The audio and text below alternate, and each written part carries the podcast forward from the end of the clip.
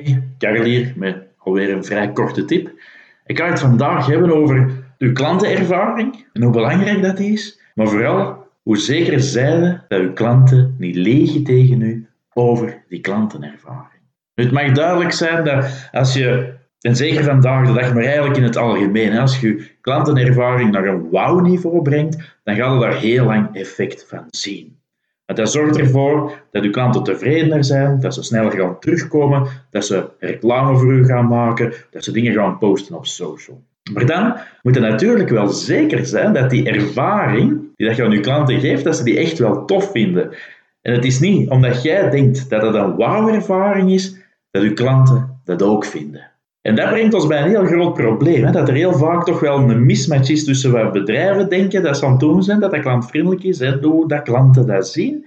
En bovendien, de manier waarop heel veel bedrijven klantentevredenheid meten, is eigenlijk fout. Ik zag er gisteren nog een op een website waar dat de vraag begon met hoe tevreden ben je over onze website? Hoe goed vond je de service van Telenet? Dat is ongelooflijk vaak dat vragen in die richting gaan. Hoe waarschijnlijk is het dat je ons zou aanbevelen?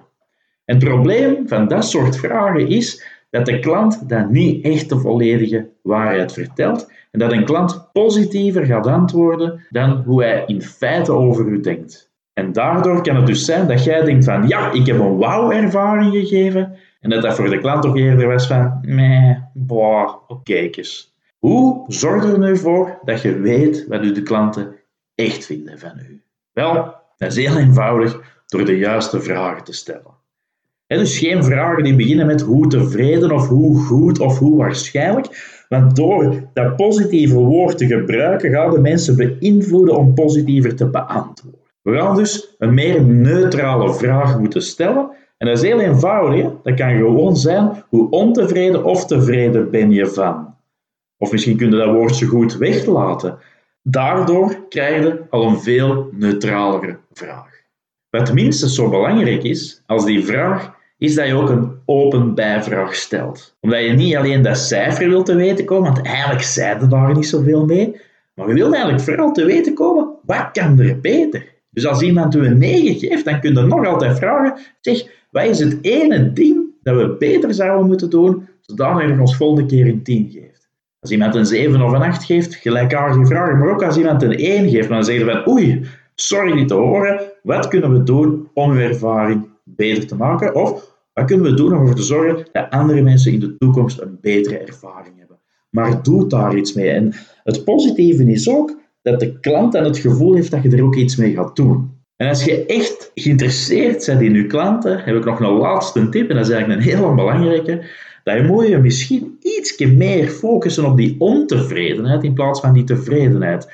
Dan ga je een vraag stellen. Hoe moeilijk was het om vandaag een afspraak te maken op onze website? Hoe moeilijk was het om uw factuur aan te vragen? Weet ik veel welke taak dat je wilt gaan meten? En uiteraard gaat uw eindklantenscore dan minder hoog zijn, dus je gaat minder de show kunnen stelen op een of andere managementmeeting. Maar doordat je die een bezoeker, uw klant, framed naar dat negatieve, gaat je harder nadenken en ga je zien dat de input die dat je krijgt op die open bijvraag veel waardevoller is en dat je op die manier veel meer dingen gaat te weten komen die nog beter kunnen. Dat is natuurlijk minder leuk voor je ego, maar het is wel veel beter voor je bedrijf, voor je omzet en voor je klanten.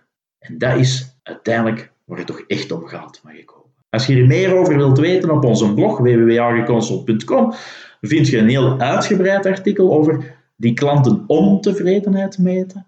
En uiteraard hebben we ook al onze opleidingen en onze diensten die gaan over UX research en al die zaken die zo belangrijk zijn om die frustraties, die, die, die noden van uw klanten bloot te leggen, opdat je inderdaad de juiste dingen kunt aanpakken om uw totaalervaring beter te maken. Tot volgende week. Cheers.